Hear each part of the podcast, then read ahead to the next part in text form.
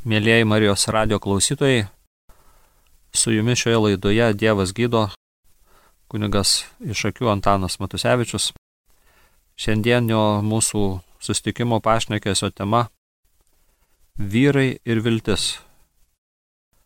Tiek viena sudėdamoji dalis šito pavadinimo vyrai, tiek ir antroji viltis yra tikrai šiais laikais aktualūs dalykai. Vyrai yra labai svarbus Dievo plane ir ir bažnyčia, ir visuomenė, ir šeimoje, vyrai, tėvai. Matome, kad e, vyryje susiduria su tam tikra krize, tai šitoje katechezėje bandysime žiūrėti apie priežastis ir gal daugiau dėmesio skirsime, kaip vyrai galėtų atlikti savo pašaukimą, kaip galėtų būti išgydyti. Na, o viltis tai nėra kvailių motina, kaip daugelis žmonių galvoja, ar, ar kalba galbūt truputėlį jokaudami.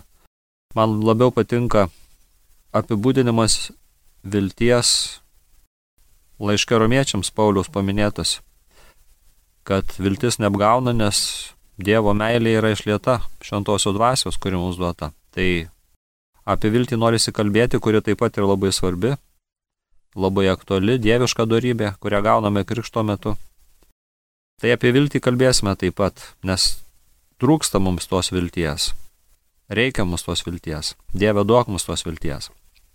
Kalbėsime šitoje katechezėje, naudodamėsi kaip ir paprastai e, šventojų raštų, naujojo testamentu daugiausiai, iš apaštų darbų 27-28 skyriaus. Kalbėsime apie Pauliaus kelionę į Romą, tai paskutinė jo žemiška kelionė, Romoje jisai buvo kalinamas, įsinuomotame bute.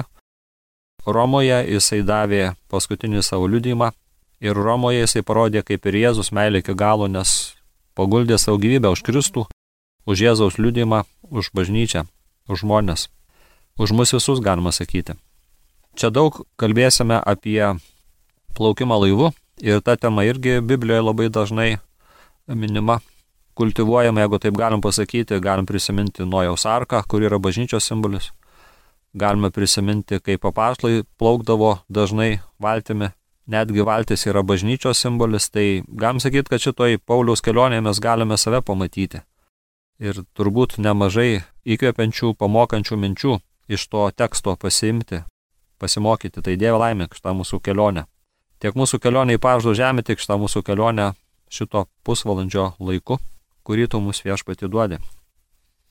Tai Paulius, kaip jau sakiau, keliauja į Romą, tai yra paskutinė jo kelionė, sėdo į laivą, paskui persėdo į kitą laivą, iš Aleksandrijos berot atplaukusi. Ir visai ten ta kelionė sekėsi, lietai plaukė ją, praleido kažkiek laiko vienam uoste, prieplaukoje ir prabėgus daug laiko, kai laivyba tapo pavojinga, dabar jau skaitau 27 skyriaus nuo 9 eilutės, taigi prabėgus daug laiko, laivybai tapus pavojinga, nes jau buvo pasibaigęs rudens pasniko metas. Paulius įspėjo e, laivų plaukusius ir vadovus, ir jūreivius, ir keleivius, ir kareivius, kurie saugojo. Vyrai, aš numatau, jog šis plaukimas bus grėsmingas ir pražutingas ne tik kroviniams bei laivų, bet ir mūsų gyvybėms. Tačiau šimtininkas labiau tikėjo vairininku ir laivo savininku negu Pauliaus įspėjimais. Kadangi juosas nebuvo tinkamas žiemoti, daugumas nusprendė iš ten plaukti toliau, kaip nors pasiekti Feniksą, Kretos uostą, atvirą į pietvakarius ir šiaurės vakarus ir tenai žiemoti. Ir čia noriu padaryti pirmą sustojimą. Šį kartą, mėly Marijos radio klausytojai, elgsimės kitaip negu paprastai. Aš paskaitau kokį nors tekstą, kokią atkarpėlę iš šventų raštų, paskui pakomentuoju. Šį kartą norėsiu skaidyti tekstą į dalis ir komentarus pateikti po tam tikros dalelės. Paskaityti fragmentėlį šventų rašto apaštų darbų knygos ir tada kokį komentarėlį ar kokį liudimą ar kokią mintį. Tai pirmas sustojimas mūsų 11 eilutė 27 apaštų darbų knygos skyriaus. Šimtininkas labiau tikėjo vairininku ir laivo savininku negu Paulius įspėjimais, o Paulius sakė, kad gali būti labai pavojingas šitas plaukimas, reikėtų mums žiemoti čia. Ir daugelis nusprendė, reiškia daugumos balsas paėmė viršų ir Paulius, nors jo įžvalgos buvo labai svarbios, išmintingos ir pamatuotos, įkvėptos Dievo, vis dėlto Paulius buvo nubuksuotas į šoną, nustumtas į pakraštį ir pasielgė taip, kaip atrodė e, jiems protingiau ir reikalingiau. Ir noriu paskaityti kaip komentarą šitai vietai, šitai lūtei, mane labai prakalbinusi tekstą iš antro Vatikano susirinkimo pastoracinės konstitucijos apie bažnyčią šio laikiname pasaulyje gaudėme spes. Nes bažnyčia, kaip jau sakiau pradžioj, galima lyginti su laivu, o visą mūsų pasaulį irgi galima lyginti su plaukimu e, audringa, banguojančia ir pavojinga jūra. Dabartinį pasaulį, dabartinį gyvenimą. Tiek Lietuvoje, tiek pasaulyje galima su ta įsiaudrinuose jūra, kuri gali mus paskandinti ar kokiu nors žalų atnešti, galima palyginti. Tai kalba Vatikano susirinkimo tėvai apie žmonių giminės giluminius klausimus. Dabar citata iš tos konstitucijos apie bažnyčią šiuolaikinėme pasaulyje gaudėme spes 90 numerio. Dabartinis pasaulis pasirodė esas ir galingas ir kartu silpnas, pajėgus veikti ir kilniai ir niekšingai. Jam atviras kelias į laisvę vergiją, pažangą ir nuosmukį, brolybę ir nepykantą. Be to žmogus įsisamonina, jog jis pats privalo teisingai panaudoti savo sukeltas jėgas, kurios gali ir jį pavergti ir jam tarnauti. Todėl jis pats savo kelia klausimus. Iš ties dabartinio pasaulio nedermės susijusios su ta giliau siekiančia nederme, kurio šaknis yra žmogaus širdyje. Juk pačiame žmoguje daug pradų kovoja viena su kitu. Viena vertus, kaip kūrinys jis patiria savo daugelio paribotumą. Antra vertus jaučia savo neribotus siekimus ir aukštesnio gyvenimo pašaukimą. Daugelio dalykų traukiamas dažnai jis priverstas kai kuriuos iš jų rinktis, o kai kuriuo atsisakyti.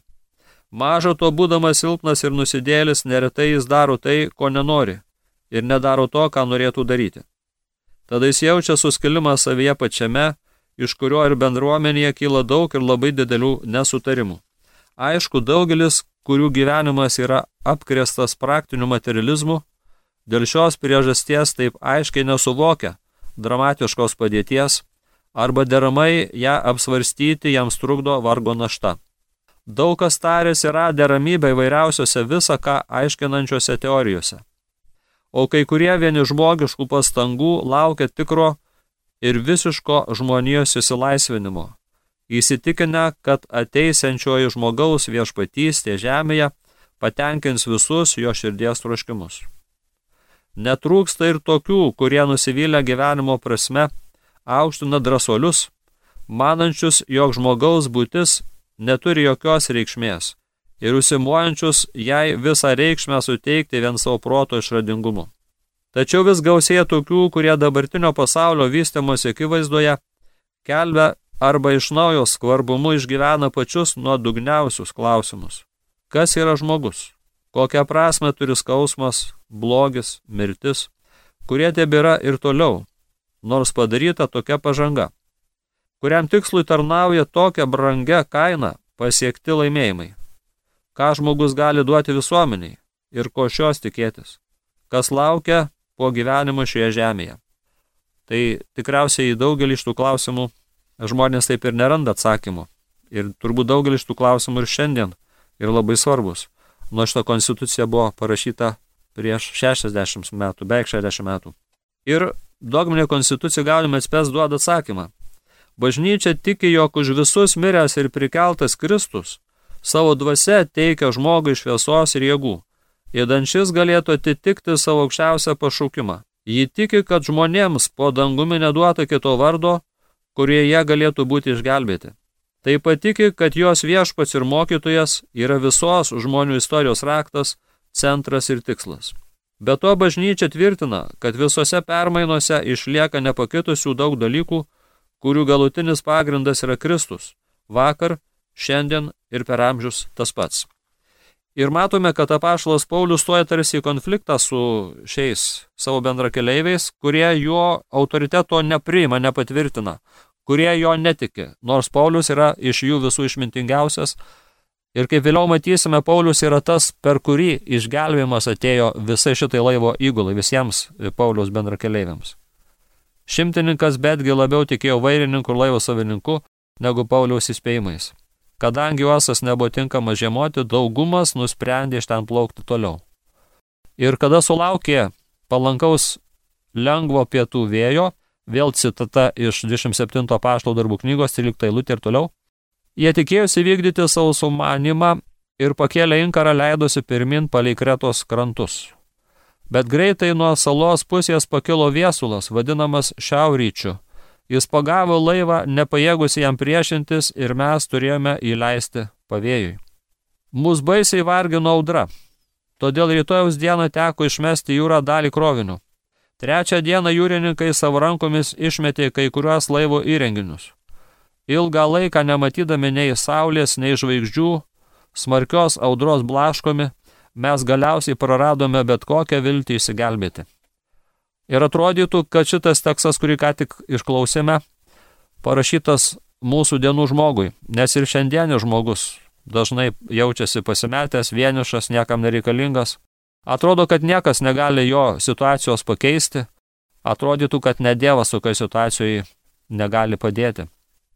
Dabar skaitau vieną knygą, kurios fragmentėlį paskaitysiu jums, mėly Marijos radio klausytojai. Autorius tos knygos yra Marijonų vienuolis, turbūt ir kunigas Donaldas H. Calloway, o knyga vadinasi Pasiaukojimas šventam Juozapui, mūsų dvasinio tėvo stebuklai. Šitas autorius šitoje knygoje panašiai kaip kunigas Liudvikas Marija Girinjonas iš Monforo per 303 dienas ragina pasiruošti ir pasišvesti Juozapui. O Liudvikas Girinjonas iš Monforo kviečia savo knygoje pasiruošti per 303 dienas pasiaukojimui mergelį Marijai ir duoda tokį konkretų atsakymą šitoje knygoje, paminėtas autorius, kad dabar atėjo Švento Juozapo laikas. Ir dabar paklausykite citatos iš 130 puslapio šioje knygoje. Taigi dabar Švento Juozapo laikas. Šiandien Jėzus nori, kad bažnyčia pažintų, mylėtų ir gerbtų Švento Juozapo dvasinę tėvystę ir padarytų ją savo priebėgą. Atėjo metas istorija, kokio Dievo tauta dar nematė Dar niekada jai taip nereikėjo šventų Jozapo. Kodėl? Paprastai sakant, dauguma vyrų nebežino ir nebesupranta, ką reiškia būti garbingu vyru. Jo labiau, ką reiškia būti geru tėvu. Vaikai užaugo matydami prastą tėvysės pavyzdį, ar iš viso neturėdami tėvo. Kontracepcija, pornografija, abortai, lyties nesuvoktis, moralinis ištvirkimas, tuščios bažnyčios, moraliai korumpuota dvasininkija ir kultūrinis chaosas - tai tik keli padariniai visuomenės, kuriai trūksta tikrų vyrų ir tėvų. Jėzus nori atkreipti mūsų dėmesį į dvasinę šventų Jozapo tėvystę, kad būtų ištaisytas šis blogis, o į bažnyčią ir pasaulį būtų sugražinta tvarka. Taigi, Marijonų vienuolis Donaldas Kalovėjus, kaip girdime, sako, kad Juozapas galėtų padėti daugeliu vyrų tapti tikrais dvasiniais ar biologiniais tėvais, padėti skleisti jų tapatybei ir padėti jiems, kaip Juozapas padėjo netgi viešpaties dangiško tėvo sūnui, antrajam švenčiaus ribės asmenį, kuris iš Marijos priemė kūną, priemė žmogišką prigimtį. E, Juozapas buvo tikras vyras, kuriam viešpats dangiškas tėvas nebijojo patikėti ir Marijos, ir savo sūnaus. Jozapo pagalba iš tikrųjų labai svarbi ir reikšminga. Leiskite papasakoti vieną liudimą, kurį išgirdau vienoje YouTube'ės platformoje transliuotoje laidoje. Yra toks kanalas Vsielenskaja Cerkav, rusų kalba, bet jisai yra katalikiškas kanalas ir ten kalbėjo vienas egzorcistas. Tai sako, tas egzorcistas dalinasi savo patirtim, savo liudimu. Sako, dažnai pas mane ateina vyrai pasimetę visokiausių nuodimų, bet jis ypatingai pabrėžė tokią vieną labai išplitusią šiandien ir tarp vyresnio amžiaus vyrų, ir ypatingai gal tarp jaunų vyrų, ir net vaikų nuodėmė būtent pornografija. Sako, aš laikau savo klausykloje knygą, kurioje aprašytas pasiaukojimas šventajam Juozapui. Ir kai ateina pas mane toks vad brolis, kuris turi šitą problemą, šitą silpnybę, šitą priklausomybę, atleidžiam nuodėmės, duodu patarimus, kaip kovoti su šitą nuodėmę priklausomybę ir raginu pasiaukoti, pasiruošti per 33 dienas, atliekant tas pratybas, skaitant tekstus, melžiantis, per 33 dienas pasiruošti ir paskui kokią nors Juozapo šventės dieną, pavyzdžiui, kovo 19, kada minimas šis bažnyčios globėjas, atiduoti savo širdį, savo kūną, visą savo gyvenimą Juozapo globai. Ir daug vyrų sako liūdė, kad iš tikrųjų tai suveikia. Ta nuolanki ir nuoširdi mėnesį su trupučiu trunkanti pasiruošimo malda, tas laikas ir tas pasiaukojimas e, šventam Juozapui, Jėzaus, mergelės Marijos ir bažnyčios globėjų tikrai atneša gražių vaisių.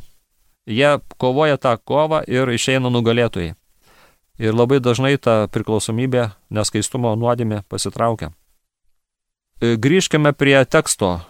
Toliau mes atsidarėme valtyje ir žmonės ten jau ilgą laiką nieko nevalgė, nes neviltis juos užpuolė. Nes tikriausiai galvojo, kad jie neįsigelbės. Kaip matėme, prarado bet kokią viltį įsigelbėti.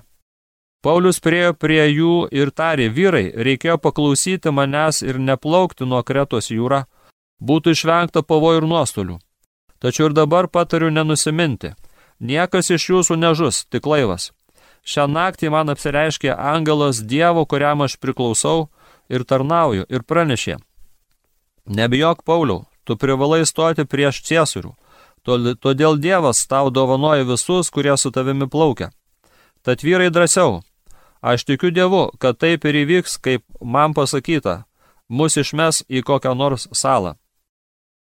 Mane labai nustebino, kai perskaičiau šitas eilutes, kaip apaštalas Paulius galėjo melsis tokiai sumaišty, vėjas kaukia, audringa jūra, neaišku, kaip baigsis tas pasiplaukėjimas, bet matome, kad Paulius nežiūri į bangas, nežiūri į žmonių nusiminimą, nežiūri, kaip ten jie jaučiasi, ar tiki ar netiki, ar bumba, ar ramiai elgesi, jisai kažkaip moka išlaikyti ramybę. Jisai net tokio atrodytų beviltiškoje situacijoje atsidūręs, meldžiasi ir net moka išgirsti viešpatį Dievą. Jam pasirodė viešpatės angelas ir padrasino.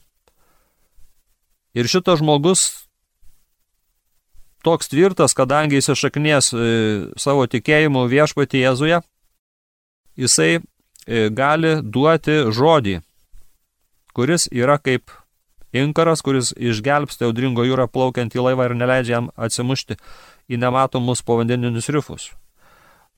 Tai tikinčio žmogaus elgesys, tai maldos vyro elgesys, tai to žmogaus, kuris nuolatos, kiekvieną dieną, net kaip matome kiekvieną situaciją, šaukėsi Dievo, kuris nuolatos žiūri į Dievą, kuris niekada nuo Jėzaus nenuleidžia akių, kuriam Jėzus tikrai labai svarbus. Apaštalas Paulius sako, dėl Jėzaus aš ryžausi visko netekti viską laikaus ašlomis ar nuostoliu palyginti su mano viešpaties Jėzaus Kristaus pažinimo didybė. Ir mane labai palėtė kunigo Klaudijos Kolombiero mintis, užrašyta vieną iš vasario dienų Magnifikato maldinėlėje, tai jis panašiai kaip Paulius rašo apie pasitikėjimo Jėzumi svarbą. Paklausykite. Apsisprendžiau taip atsiduoti Dievui, kuris visuomet yra manyje ir kuriame aš esu ir gyvenu.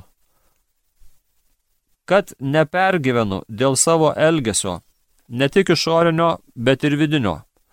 Ramelis sėdamasis jo rankose, nebijodamas net pagundos, nei pagundos, nei iliuzijos, nei klėstėjimo nei priešiškumo, nei savo įdingų polinkių, netgi savo kalčių, tikėdamasis, kad iš savo gerumo ir begalinės išminties jis viską pakreips taip, kad tai išeis jo garbiai. Ir čia išklausę šito švento vyro Klaudijos Kolumbiero mintį, kurioje jisai pabrėžia Dievo apvaizdos galę išgelbėti ir išvesti per visokiausius pavojus ir visokiausias situacijas, Mes galim prisiminti, kas yra parašyta Naujame testamente, turbūt to paties Paulius, laiškė rumiečiams, jei neklystų, kad viskas išeina į gerą tiems, kurie myli mūsų viešpatį Jėzų Kristų. Taigi Paulius sako, kad aš tikiu Dievu, kad tai, ką man per angelą pasakė, Dievas ir įvykdys. Kad viskas vyks taip, kaip man pasakyta, aš tikiu viešpatio žodžiu, aš tikiu viešpaties pažadais, mus išmes į kokią nors salą. Toliau skaitome. 27-27 skiriaus eilutė. Kai buvome svaidomi Adrijos jūro 14 naktį, apie vidurnaktį jūrėms pasirodė, kad artėjame prie sausumos. Jie išmetė grimzlę ir nustatė 20 jūros snieksnių gilį. Išmatavę dar kartą berado 15. Bijodami užšokti ant povandeninių uolų, jie išmetė iš paskui galio keturis inkarus ir ėmė laukti aušros. Jūreiviai mėgino pabėgti iš laivo, jie nuleido jūrą gelbėjimo valtį, neva norėdami išmesti inkarus laivo prieš akiją. Paulius įspėjo šimtininką ar kareivius, jeigu šitie nepasiliks laive, jūs neišsigelbėsite. Tada kareiviai nukapojo valties virves ir leido jai nukristi jūrą. Šitos eilutės rodo, kad apaštlas Paulius buvo labai pastabus, labai sumanus, be reikalo nekalbėdavo, be reikalo savo, kaip sakoma, trigrašio nekiždavo, bet kai pastebėdavo kokį būtiną pasakyti dalyką, kai pastebėdavau, kad kažkaip reikalai sukasi ne tą linkme, viskas pradeda eiti blogin, jau į tragediją netgi katastrofą artėja. Kaip šiuo atveju, jeigu komanda pabėgs iš laivo, tai kas galės tada tą laivą išgelbėti? Paulius, kaip matome, labai žvalgus, turintis Dievo išmane, jautrę širdį ir mokantis pastebėti žmonių intencijas, manau, tai Dievo dvasios veikimo Pauliuje, dvasinės brandos ir patirties e, padarinys. Kreipiasi į šimtininką ir sako, kad negalima leisti jūreiviams pabėgti, nes mes tuomet pražūsime. Ir vėlgi, koks nuostabus simbolis. Nukertama atrodytų ta gelbėjimo valtis, kuri atrodytų, jeigu laivas suduštų, leistų bent kai kuriems įsigelbėti.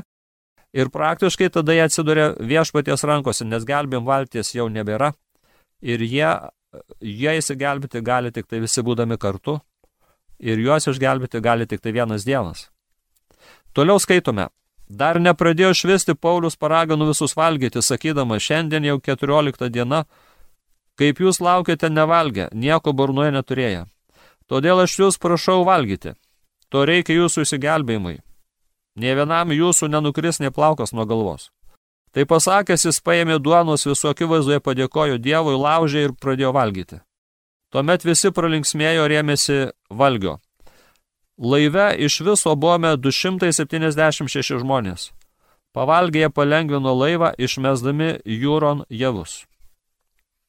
Ir vėl matome, Paulius suprato, kad atėjo laikas veikti, kad atėjo laikas e, kalbėti, imtis iniciatyvos ir pasakė, kad mes turėtume valgyti. Iš tikrųjų apie maistą kalbėti tokiu metu, kai atrodo viskas eina tik tai blogin, artėja mirtis, žlugimas, laivo sudužimas. Kalbėti, kad dabar atėjo laikas valgyti, atrodo beprotiška. Bet Paulius buvo įpratęs plaukti prie srovę. Ir jam svarbesnis buvo noras įtikti, tarnauti Dievui, bet ne žmonėms. Jis buvo įpratęs sulaukti žmonių pasipriešinimo, nesupratimo, atmetimo patyčių ir panašių dalykų. Todėl, kadangi jau didžiausias autoritetas buvo viešpats Dievas Jėzus Kristus, jisai kalba tiesą ir ragina žmonės, duodamas jiems viltį, stiprindamas jų dvasę ir širdį, duoda pavyzdį. Ne tik kalba, ne tik žodžiais, bet ir pavyzdžių rodo, kad reikia valgyti. Galime tame matyti, mėly Marijos radio klausytojai, ir tam tikrą užuominą apie šventų mišių auką. Kas mus, plaukiančius šiais audringais e, vandenimis, gali sustiprinti? kas gali mus pradžiuginti. Paulius paima duoną, visokio vizo dėkoja Dievui, laužo, ar nieko jums neprimena šitie žodžiai, ir pradeda valgyti. Ir tuomet visi pralinksmėja ir imasi valgio. Ir tas valgis, pirmiausia, yra dvasinis valgis, apašlos Paulius, dėl savo gilaus tikėjimo ir dėl gilaus santykio su Jėzumi, sutvirtina jų dvasę ir jų širdis atsigauna, jie pralinksmėja, nes Dievo malonė per vieną klusnų įrankį, konkrečiai per vieną konkretų vyrą Paulių, juos sustiprina ir juos padrasina. Jie pavalgo ir pavalgę to dvasinio maisto, man nori šitą vietą aiškinti dvasinę prasme, jie supranta, kad reikia palengvinti laivą ir tada išmeta dalį javų, kad laivas taptų lengvesnis.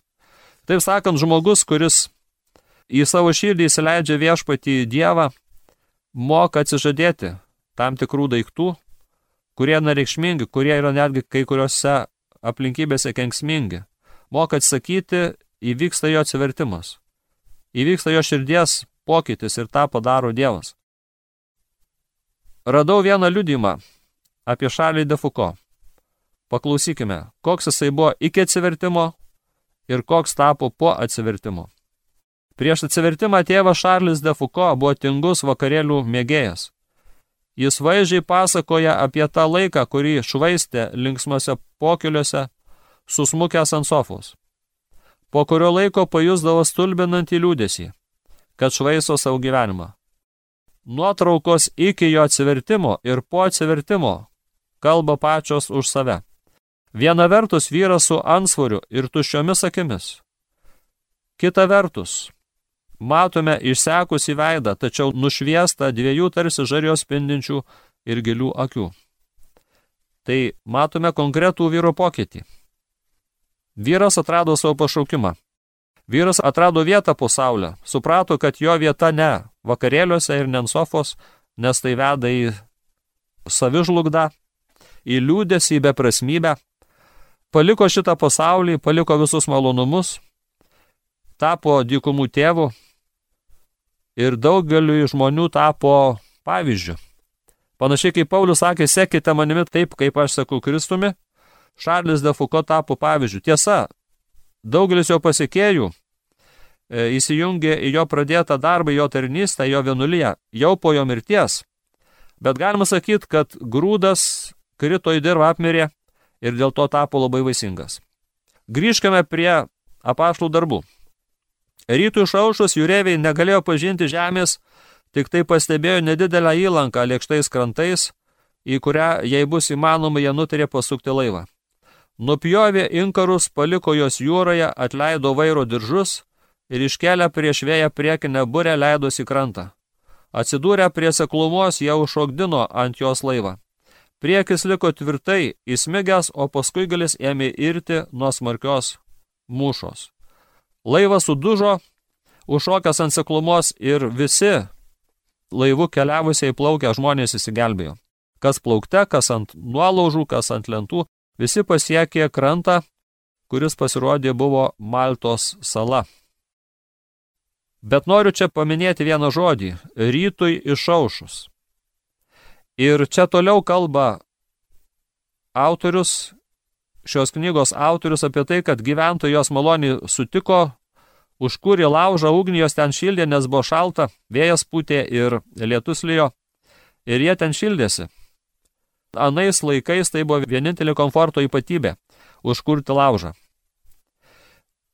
Taigi rytų išaušus man primena Jono Evangelijos pasakojimą apie Jėzaus priskelimą, kaip mokiniai visą naktį žuvavo ir nieko nepagavo. Ir tada aušo rytas, ant kranto pasirodė bestovys Jėzus, kuris paragino juos užmesti tinklą nuo valties į dešinę ir pagauti žuvų. Kai jie užgrėbė daugybę žuvų, nors iki tol nieko nepagavo, pirmasis Kontemplatyvusis Jonas pasakė, juk tai viešpats. Petras, susijuosęs juostas, apsivilkęs drabužiu, šoko į jūrą ir išvilko su savo draugais sėkmingos žuklės pripildytus tinklus. Jėzus kūreno ugnį, ant jos buvo padėta duonos ir keletą žuvų. Jėzus pakvietė mokinius ateiti pusryčių. Laužas man visuomet siejasi su žydų tautos iškeliavimo įvykių, nes būtent Mozė išvaduotojas dievų įrankis Dievą sutiko degančiame lauže. Laužas man beveik visada primena Velyknakčio ugnį. Velyknaktis yra perėjimo šventė, kuri primena mūsų viešpaties Jėzaus kančią, mirtį ir prisikelimą. Laužas primena visą laiką šitą istoriją, kurią pasakoju Jono Evangeliją primindamas kur Jėzus pamaitino mokinius, paskui paklausė Petro, ar tu myli mane tris kartus. Ir galutinai Petrą padarė savo įpėdinių bažnyčios e, ganytojų, vyriausiųjų ganytojų. Kaip girdame, Paulius irgi atsidūrė prie laužo ir ten žmonės įstikino, kad šitas žmogus yra Dievo žmogus, nes kai Paulius įmetė į laužą sausų malkų glėbį iš laužo į jo ranką išliaužus įskabino gyvatė, šliužas, angis.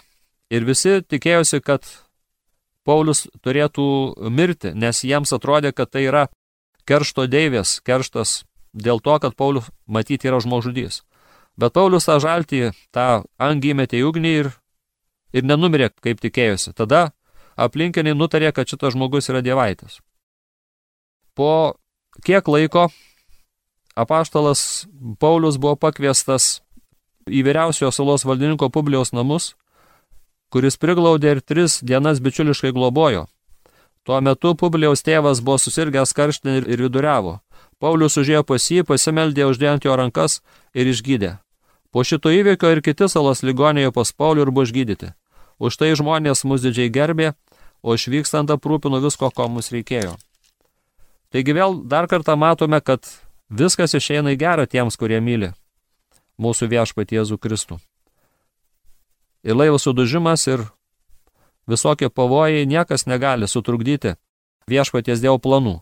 Nes Paulius turėjo atvykti į Romą, kuris jis sėkmingai atvyko, bet mes žinome, kad ir Maltos salos gyventojai po šiai dienai yra giliai tikintys. Tikriausiai tai yra vėlgi Pauliaus maldos, Pauliaus apsilankimo toje saloje, darbo, tarnysės vaisius. Atvykęs į Romą, Paulius pasiliko gyventi sausinomo tame būte ištisus dviejus metus ir priminėdavo visus savo lankytojus. Jis kelbė Dievo karalystę ir visiškai drąsiai ir netrukdomas mokė apie viešpatį Jėzų Kristų. Taigi Paulius pasiekė Romą, amžinai miestą. Ir bažnyčia tokiu būdu iš Romos pasiekė žemės pakraščius. Roma tapo bažnyčios sostinė. Roma tapo išeities tašku. Baigti šiandienę katechezę, mėlyjei Marijos radio klausytojai, norėčiau paskaitydamas vieną psalmę, kuri kalba apie viltį, kurie kalba apie tai, jog viešpats Dievas išgelbsti jo pasitikinčius, jog viešpats Dievas yra tikrasis ir vienintelis išgelbėtojas. Laiminga tauta, kurios Dievas yra viešpats tauta, kurią jis išsirinko paveldu. Viešpat žvelgia iš dangaus ir mato visą žmoniją. Į savo sosto, kur viešpatauja, į visus žemės gyventojus žvelgia. Tas, kuris padarė jų visų širdis ir stebi visus jų darbus. Ne kariuomenės dydis apsaugo karalių, nedidelė galia išgelbsti karžygį. Iš žirgų laukti pergalės tušia viltis, kad ir kokie ristūnai jie negali išgelbėti. Tikrai viešpats sergsi tuos, kurie pagarbė jo bijo ir pasitikė jo ištikimą meilę, kad išgelbėtų nuo mirties jų gyvastį ir išlaikytų gyvus bado metu. Mūsų viltis viešpatie, jis mūsų pagalba ir skydas. Jis linksmina mūsų širdis, nes mes pasitikime jo šventuoju vardu. Te būna su mumis tau ištikimoji meilė viešpatie, nes mes į tave žvelgiame. Girdėjote laidą. Dievas gydo, Su jumis bendravo kunigas Antanas Matusevičius iš akių. Garbėzui Kristui, būkite palaiminti.